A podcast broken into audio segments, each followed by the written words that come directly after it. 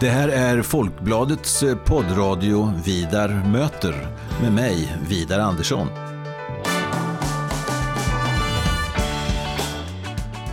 Jag är eh, chefredaktör på Folkbladet och jag är också ansvarig för Folkbladets ledarsida som eh, skrivs utifrån en oberoende socialdemokratisk hållning. Så i den här poddradion kommer jag att möta politiska personer av olika slag och vi ska ha ganska så korta och hoppas jag rappa samtal om stora och små samhällsfrågor. Varmt välkommen till Vidar möter.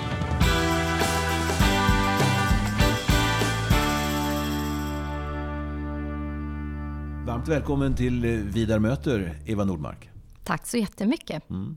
Du är arbetsmarknadsminister och chef för arbetsmarknadsdepartementet sedan precis idag 14 månader sedan.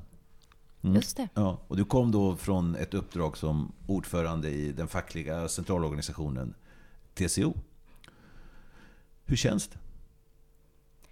Det känns eh, väldigt eh, bra att få möjlighet att ta ansvar i en, i en svår tid, tycker jag. Vi har ju ett svårt läge på svensk arbetsmarknad i följd av coronapandemin. Eh, vi har också ett eh, svårt parlamentariskt läge som mm. innebär att vi måste kompromissa och hitta lösningar gemensamt med många andra. Eh, och det är en roll som jag trivs i. Det är också något som är bland det viktigaste jag kan tänka mig. Att se till att bidra till att människor får möjlighet till arbete och egen försörjning. Det är det som i grunden bygger vårt välstånd. Mm. För just att vara arbetsmarknadsminister, tänker man att det är ju, ja, arbete är ju grunden för välfärdsstaten bygger på att så många som möjligt som kan arbetar och ja, betalar in skatt och ser till att välfärdsstaten fungerar. Så.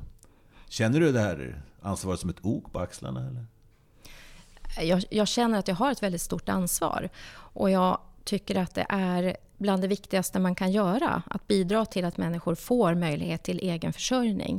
Mm. Eh, att bidra till att företag kan rekrytera också rätt kompetens för att kunna utveckla sina verksamheter. Att också offentlig sektor kan, kan rekrytera rätt kompetens för att utveckla välfärden.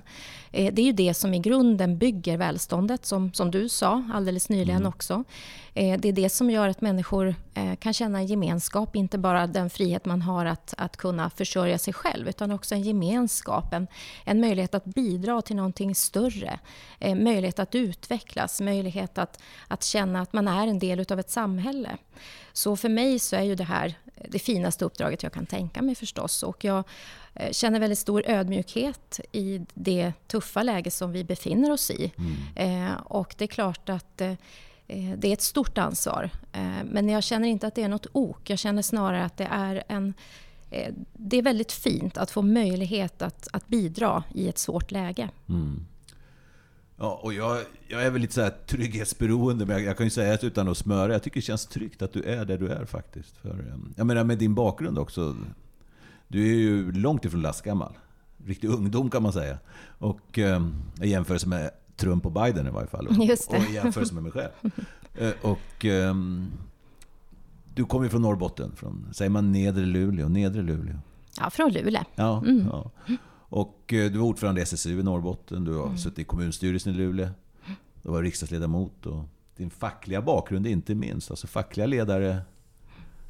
Det är något särskilt med dem, är det inte det? Jo, men det tror jag att det är faktiskt. Och jag, jag tror för min egen del att jag är ju formad inom eh, liksom socialdemokratin i Norrbotten. Mm. Där har jag min bas, min plattform. Eh, jag var första kvinna som, som ordförande i SSU i mm. Norrbotten också. Det är jag väldigt stolt över. Eh, men det är också så att jag såklart är formad av de senaste 20 åren som jag har varit facklig ledare mm. i lite olika roller. Eh, präglad på så sätt att jag ser ju kompromissen som någonting väldigt fint och viktigt för mm. att skapa verklig förändring och skillnad. Eh, att göra skillnad på riktigt, att se till att de reformer som vi för fram inte bara blir en, en nyhetsflash, utan att det faktiskt gör skillnad för människor i, i vardagen. Mm.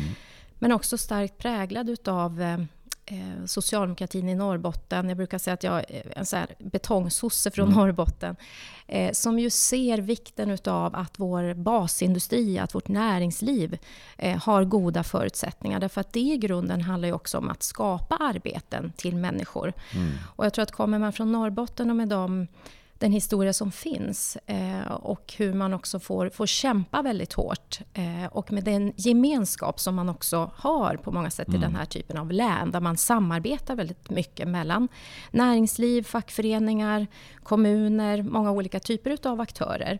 Eh, jag tror att det också har format mig väldigt mycket i min syn på att vi har ett svårt parlamentariskt läge idag. Mm. Samtidigt som för mig känns det helt naturligt att samarbeta och göra det tillsammans med andra partier, även när det är svårt. Därför att det är det som ändå leder till resultat och att vi kan ha en långsiktighet i de förändringar som vi eh, då levererar till arbetsmarknaden i det här fallet. Mm. Så eh, ja, det är klart att jag är präglad, som alla andra, präglad av min bakgrund. Ja, precis. Och Norrbotten är ju en landsdel där socialdemokratin har haft och har eh, ett väldigt starkt grepp, får man väl säga. Även om det har ju eh, där som överallt annars har det ju sjunkit. Jag tittar lite på några siffror bara och något, ett år innan du föddes eh, så fick Socialdemokraterna i landstingsvalet då, som det hette där, över 50 procent, 51,5. Minns mm. Olof Palme fick nöja sig med 45 tror jag här mm. i mhm. riket. Och nu, eh, några år senare då, nästan 50 år senare, så eh, i landstingsvalet så nådde Socialdemokraterna inte ens upp till 30 procent. Och i riket fick vi 28,5. Det verkar vara liksom en ödesbunden nedgång för vårt parti, är det så? Nej, absolut inte. Nej, men det är klart att det är en annan tid nu. Och eh, när jag, jag satt ju själv i riksdagen under de här tuffa åren eh, när vi sanerade svensk ekonomi. Mm. Och eh, då kommer jag ihåg att Ingvar Carlsson som då var partiordförande, han sa någonting i stil med att eh, Ja, förr hade vi en ATP-reform var tionde år, alltså den, den digniteten på reform och liksom politiskt ansvarstagande. Mm. Eh, nu har vi tio sådana per år att hantera och det är klart att att världen har förändrats, Sverige har förändrats, det mediala landskapet har förändrats, hur vi eh, möts, hur vi organiserar oss förändras. Och jag tror ju faktiskt att vi har goda förutsättningar att kunna växa ytterligare som parti. Både när det gäller eh, antal medlemmar men också eh, bland väljarna. Jag tror att coronapandemin har gett oss en skjuts.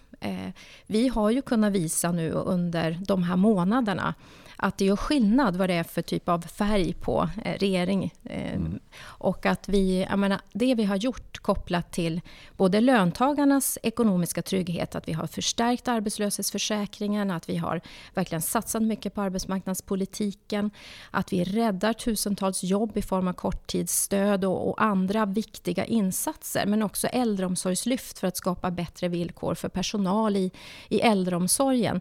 Det är klart att det beror ju på att vi har en socialdemokratiskt ledd regering, att de sakerna kommer på plats. Mm.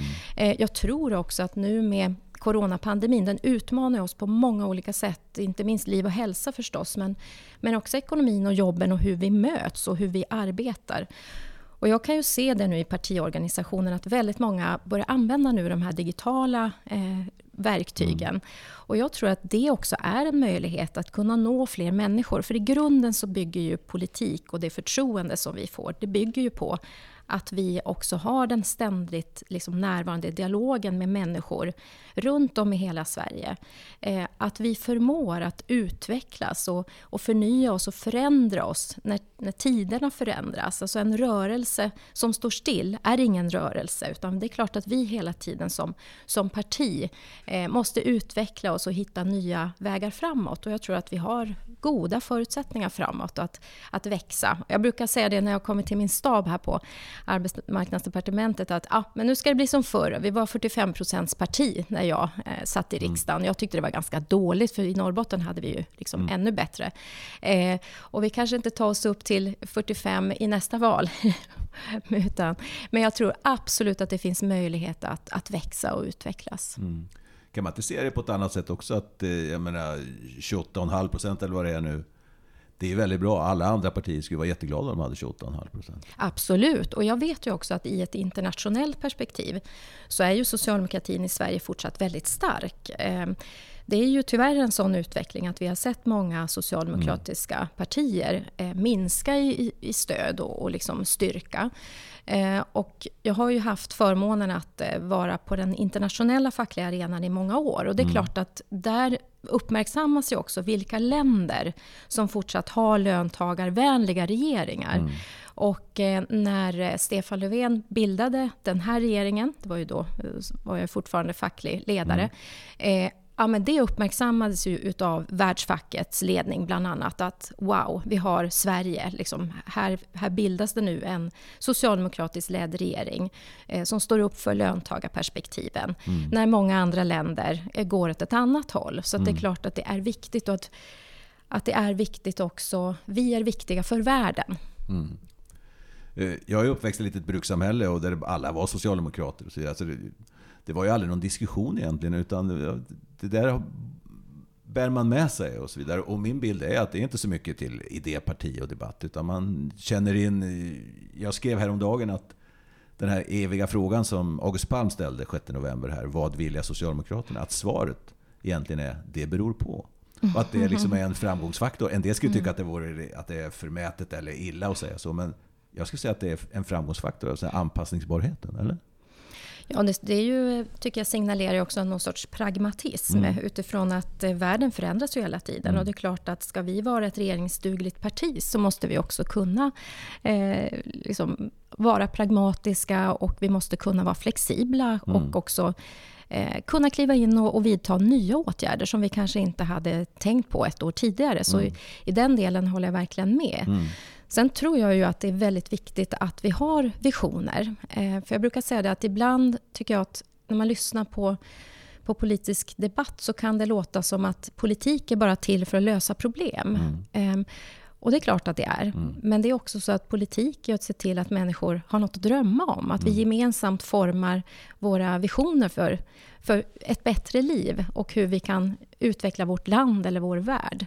Så det är också väldigt viktigt med att det finns en idédebatt eh, hela tiden mm. närvarande. Sen mm. måste man hantera saker i, i vardagen. Ja, så är det ju. Men vi behöver både och. Mm. Absolut, det är inget fel att diskutera idéer. Tvärtom, det tycker jag är oerhört roligt. Men just att knyta det till regeringspolitik är sällan så lyckat. För en regering måste ju göra vad en regering måste göra. Absolut, ja. det märker jag väldigt tydligt kan jag säga. Ja, ja, och jag, har, jag, jag tror att vi har väldigt liknande bakgrund så tillvida att för mig var det också självklart att mm. eh, jag menar min släkt, jag är uppvuxen i arbetarklass i Norrbotten och jag kommer verkligen ihåg det jag var med min farfar på sporthallen i Luleå 1982 när Olof Palme höll ett tal. Jag, jag var 11 år gammal då och hade väl kanske inte så bra koll på egentligen vad han sa. Mm. Men jag förstod ju verkligen hur viktigt det var. Mm. Och jag kände ju på min farfar att här är någon person som vi kan känna trygghet i, mm. som vi kan lita på, som också pekar ut färdriktningen framåt. Mm. Och det är klart att den typen av upplevelser är ju väldigt starka. Och eh, jag är präglad av det också. Mm. Eh, att jag tror ju på socialdemokratin. Mm. Jag har sett att man har levererat tidigare. Jag har själv varit en del av det. Mm. Eh, jag gick till den fackliga världen. Jag är tillbaka nu. Det mm. känns som att komma hem. Ja. Det känns väldigt bra. Ja, vad kul. Hörru du, eh, håller du med mig om jag säger att det här pågående januariavtalet, att det är ett seriöst försök från Socialdemokraterna att se om det kan bli ett nytt, vi behöver inte kalla det block, men om de ingående partierna där eh, kan bli så pass starka att det kan bli en, ett fundament för ett regeringsinnehav långt framöver i tiden. här. Ja, men det där är ju en jätteintressant fråga som du ställer. Jag, jag tänker att eh, Januariavtalet kom ju till för att hitta en lösning på regeringsmakten mm. i ett väldigt splittrat parlamentariskt läge. Mm. Eh, och det är väldigt bra att vi har hittat den här, det här samarbetet i, i mitten av svensk politik. Mm. Eh, men jag tror att det är så att om vi lyckas nu under de här åren eh, att hålla ihop, att leverera bra politik, att fortsätta vara lösningsorienterade eh, så tror jag att också förutsättningarna eh, ökar för att kunna fortsätta samarbeta och kanske fördjupa samarbetet eh, inför kommande mandatperioder. Mm. Och jag tror att det är viktigt också för oss socialdemokrater att, att se det att vi vi kommer ju inte, vi kommer inte att ha e-, egen majoritet eh, framgent. Utan vi måste också kunna, för att få igenom vår politik, så behöver vi ju såklart se till att kunna samarbeta med andra partier. Mm. Eh, så att det här är ju ett, ett viktigt samarbete vi har nu med Centern och Liberalerna och, och Miljöpartiet. Och det är mm. inte lätt alla gånger, men jag tycker att vi levererar. Och jag tror också att Sverige behöver den här stabiliteten och att vi hittar samverkan och, och möjlighet att lösa frågor och, och drömma tillsammans i mitten av svensk politik. Mm. Ja, visst, och, ska man vara ärlig också så är, är ju socialdemokratin, om en socialdemokrati på 45-50% var ju en stor koalition. Kanske med större bredd än vad den borgerliga alliansregeringen hade. Alltså med, om du tar med alltihopa, fackligt, stad och mm. land och alltihopa. Jag menar, det var en mängd olika små partier egentligen. Va? Men som höll ihop ja. när det var dags att välja. Mm. Alltså så den vanan och och, och förhandla med olika delar och partier och sånt där. Den, den finns ju Verkligen. där. Ja. ja, men precis. Och vi, vi, behöver ju, vi behöver ju vara ett brett parti också. Vi mm. behöver kunna hålla samman, eh, inte bara med andra partier utan också själva. Och det är ju det som är spännande också om man tittar på svensk arbetsmarknad, hur den utvecklas. Att det är klart att vi måste ju ta höjd för väldigt många olika typer av verkligheter ute mm. i, på svensk arbetsmarknad. Och, och det är ju ett otroligt spännande och viktigt arbete att se hela den här mångfacetterade bilden utav hur arbetslivet ser ut och utvecklas. Mm. Jag förstår det. Ska vi stanna lite vid arbetet eh, ytterligare en stund här? För eh, eh, en av de professorer som jag har nära mitt hjärta är Lars Trägård på Ersta Sköndal Bräcke högskola. Jag är otroligt fascinerande med breda perspektiv. Jag älskar verkligen att lyssna på honom och läsa honom. Och han håller på mycket och tittar på vad är svenskt och sånt där. Och då säger han att vi svenskar är otroligt pragmatiska egentligen med hudfärg och var folk de kommer ifrån och sånt där. Det är inte så noga. Utan det svenskaste som finns i alla hans undersökningar och, och så, det är att man ska sköta sig, arbeta och betala skatt. Och sen lägger vi oss inte i så mycket vad människor gör i övrigt. Men fallerar det så blir det problem. Och med tanke då liksom på den mycket höga arbetslösheten som många nyanlända och som, ja, folk som inte är så nyanlända faktiskt, alltså som man ser uppgifterna från Arbetsförmedlingen. Mot den bakgrunden är det ju väldigt allvarligt att, med tanke på samhällets polarisering och risk för rasism och många sådana saker. Hur ser du på det? Jag menar, det är ju, och vad gör man? Mm. Nej, men det är ju, eh, jag tycker också det är spännande med Lars eh, Trädgård. Eh, men utifrån mitt perspektiv så vi jobbar ju stenhårt nu. Och det är klart att förutsättningarna förändrades ju också i och med coronapandemin. Eh, vi fick eh, över 100 000 varslade. Vi har idag 507 000 eh, personer inskrivna på Arbetsförmedlingen. Vi har sett att många unga och utrikesfödda har, har drabbats hårt mm. av eh, de här eh, uppsägningarna. Och utifrån de nyanlända så tänker jag att det finns ju många skäl till att se till att de nyanlända verkligen får möjlighet till arbete och egen försörjning. Dels därför att det i sig har ett egenvärde och det är den vägen man integreras i ett samhälle. Men också för att barnen ska se sina föräldrar gå till arbetet, att det finns hopp och det finns en, en framtid här för dem. Men också ett annat perspektiv som jag verkligen brinner för och det är de utrikesfödda kvinnorna. Mm. För där ser ju vi att eh, vi ligger ju bättre till när det gäller deras sysselsättning och liksom arbetskraftsdeltagande än andra länder. Men vi ligger ju inte tillräckligt bra mm. när det gäller möjligheten för utrikesfödda kvinnor att arbeta och försörja sig själv. Och där gör vi nu en, en hel del insatser. Ehm, jag och Anna Ekström var mm. ute för någon vecka sedan i Botkyrka. Mm. Eh, presenterade intensivåret bland annat, som ju innebär att Eh, för idag tar det ganska lång tid. Det har blivit bättre och bättre. Det tar kortare och kortare tid genom åren att eh, etablera sig på svensk arbetsmarknad. Men vi har stora utmaningar. Eh, vi vet att vissa av de här nyanlända, de är väldigt motiverade. De har också förutsättningar att snabbt ta sig in. Då ska inte våra system motverka det, utan då måste vi se till att de här personerna får den bästa möjligheten att snabbt få språkträning, liksom praktik, arbete. Så det är en sån sak. Men sen tänker jag också, jag är själv Eh, min mamma var ju hemma med mig och min syster när vi var små. Mm. Eh, när jag var 15 år så klev hon ut på arbetsmarknaden och började som lokalvårdare då. Och om man tittar på hur svenska kvinnor har eh, klivit ut på svensk arbetsmarknad under 50, 60, 70, 80-talen så är det ju samma resa egentligen som de här utrikesfödda kvinnorna måste få möjlighet att göra. Mm. Och eh, jag var även i Linköping för en tid sedan. Och, eh, det är fascinerande att se. Det finns många goda exempel på hur folkhögskolor, olika företag, eh, utbildningsaktörer ser till att verkligen skräddarsy utbildningar för de behov som finns på arbetsmarknaden också och ge de här kvinnorna möjlighet till egen försörjning. Och jag ska säga att det är en otroligt viktig jämställdhetsfråga och det är också en skiljelinje i svensk politik eh, där Moderaterna ständigt jagar på om att man vill ta bort extratjänsterna som är väldigt viktiga, inte minst för den här gruppen kvinnor. Eh, tittar man på KD och SD så vill ju de hellre satsa liksom pengar på bidrag för att de här kvinnorna ska vara hemma eh, istället för att kunna vara ute på arbetsmarknaden försörja sig själva, vara självständiga.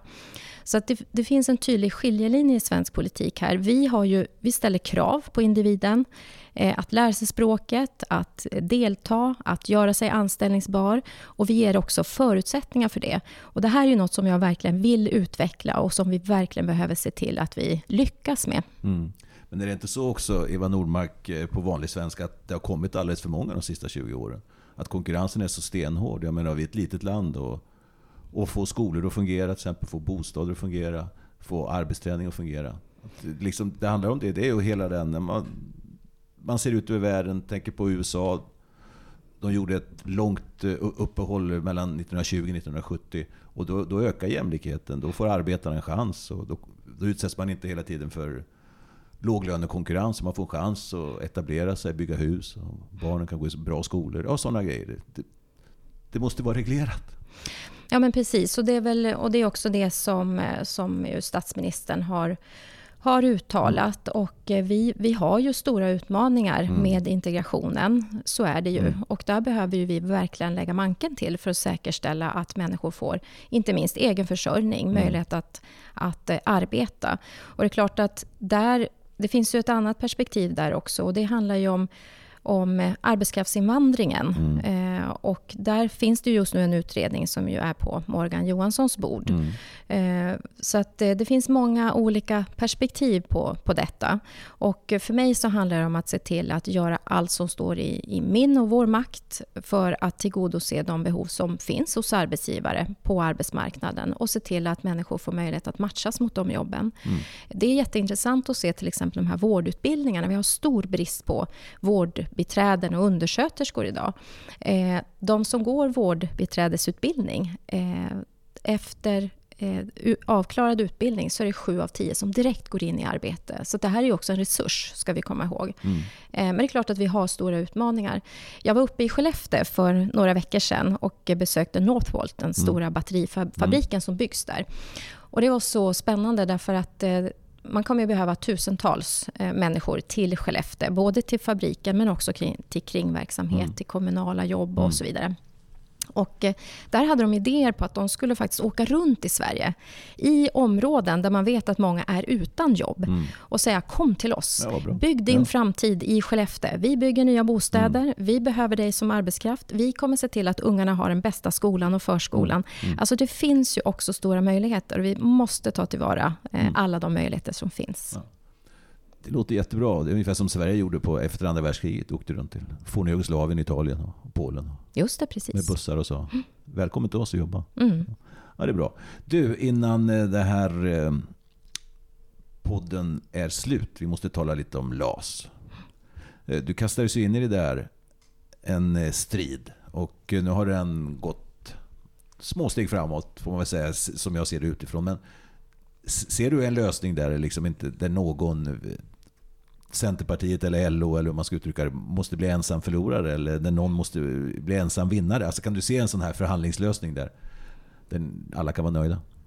Jag, jag är helt övertygad faktiskt eh, nu att vi kommer att ha en, en lösning där alla kan känna att man är på något sätt vinnare. Mm. Men för mig är egentligen inte det viktigaste vad folk känner, mm. om de är vinnare eller förlorare. Utan det viktigaste är ju att vi nu lägger en, en ny plattform för en arbetsmarknad som är i förändring. Mm. Där vi både tillgodoser arbetsgivarnas behov av trygghet och flexibilitet och löntagarnas behov av detsamma. Mm. Och jag tycker att corona pandemin har ju visat eh, dels hur viktigt det är med trygghet också för arbetsgivarna och långsiktighet.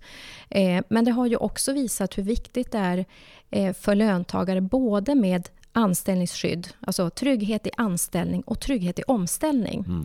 För det är klart att du kan ju ha hur, hur starkt anställningsskydd som helst. Men om ditt företag går i konkurs, mm. om det blir utkonkurrerat av andra eh, mm. företag i andra länder, eh, då behöver du också ha en trygghet i omställning. Mm. Och det är det som jag tycker är så bra nu att vi går vidare med en partsöverenskommelse mm. som tar höjd både för att förändra delar av arbetsrätten, alltså lagen om anställningsskydd, eh, men som också ser behovet av eh, omställningsmöjligheter på mm. en arbetsmarknad där jobb försvinner och tillkommer i en väldigt snabb takt. Mm. Eh, och där vi också ser på a-kassans viktiga bidrag till den här omställningen. Och för mig, jag har jobbat i väldigt många år mm. med just att försöka bidra till att skapa trygghet i mm. omställning. pratat mycket om det i eh, internationella sammanhang. Jag har varit på mm. OECD och på många andra ställen, ILO och så, eh, och pratat om den svenska modellen. Och det är klart att nu ser jag förutsättningar för att kunna utveckla det ytterligare. Mm. Och jag tror ju genuint på att vi både kan skapa ökad flexibilitet och trygghet för våra företag och samtidigt öka tryggheten för de anställda. Att komma bort ifrån otyget med de här sms-anställningarna mm. som är helt mm. hopplösa. Eh, och att se till att liksom städa upp där samtidigt som vi också ser till att, att företagen har långsiktiga spelregler. För mig är det väldigt viktigt att skapa just spelregler som gör att parterna, alltså fack och arbetsgivare gemensamt, kan fortsätta att utveckla kollektivavtalen. Vi har över 600 avtal idag. Mm. Eh, och det är ju just det här som är den svenska modellen. Att vi genom kollektivavtal, branschanpassade lösningar, kompromisser mellan fack och arbetsgivare utvecklar arbetslivet och löser problem tillsammans på svensk arbetsmarknad. Så att jag värnar partsmodellen eh, och med den lösning som vi nu kommer gå fram med eh, så känner jag mig väldigt trygg med att vi också kan då utveckla och modernisera både arbetsrätten och eh, andra politiska reformer för att skapa en så bra arbetsmarknad som möjligt. Mm. Och det säger alltså arbetsmarknadsminister eh, Eva Nordmark som har varit gäst här i Vida möter idag. Stort tack för det Eva. Tack så mycket, det var roligt. Ja, allt gott. Ja, detsamma. Tack.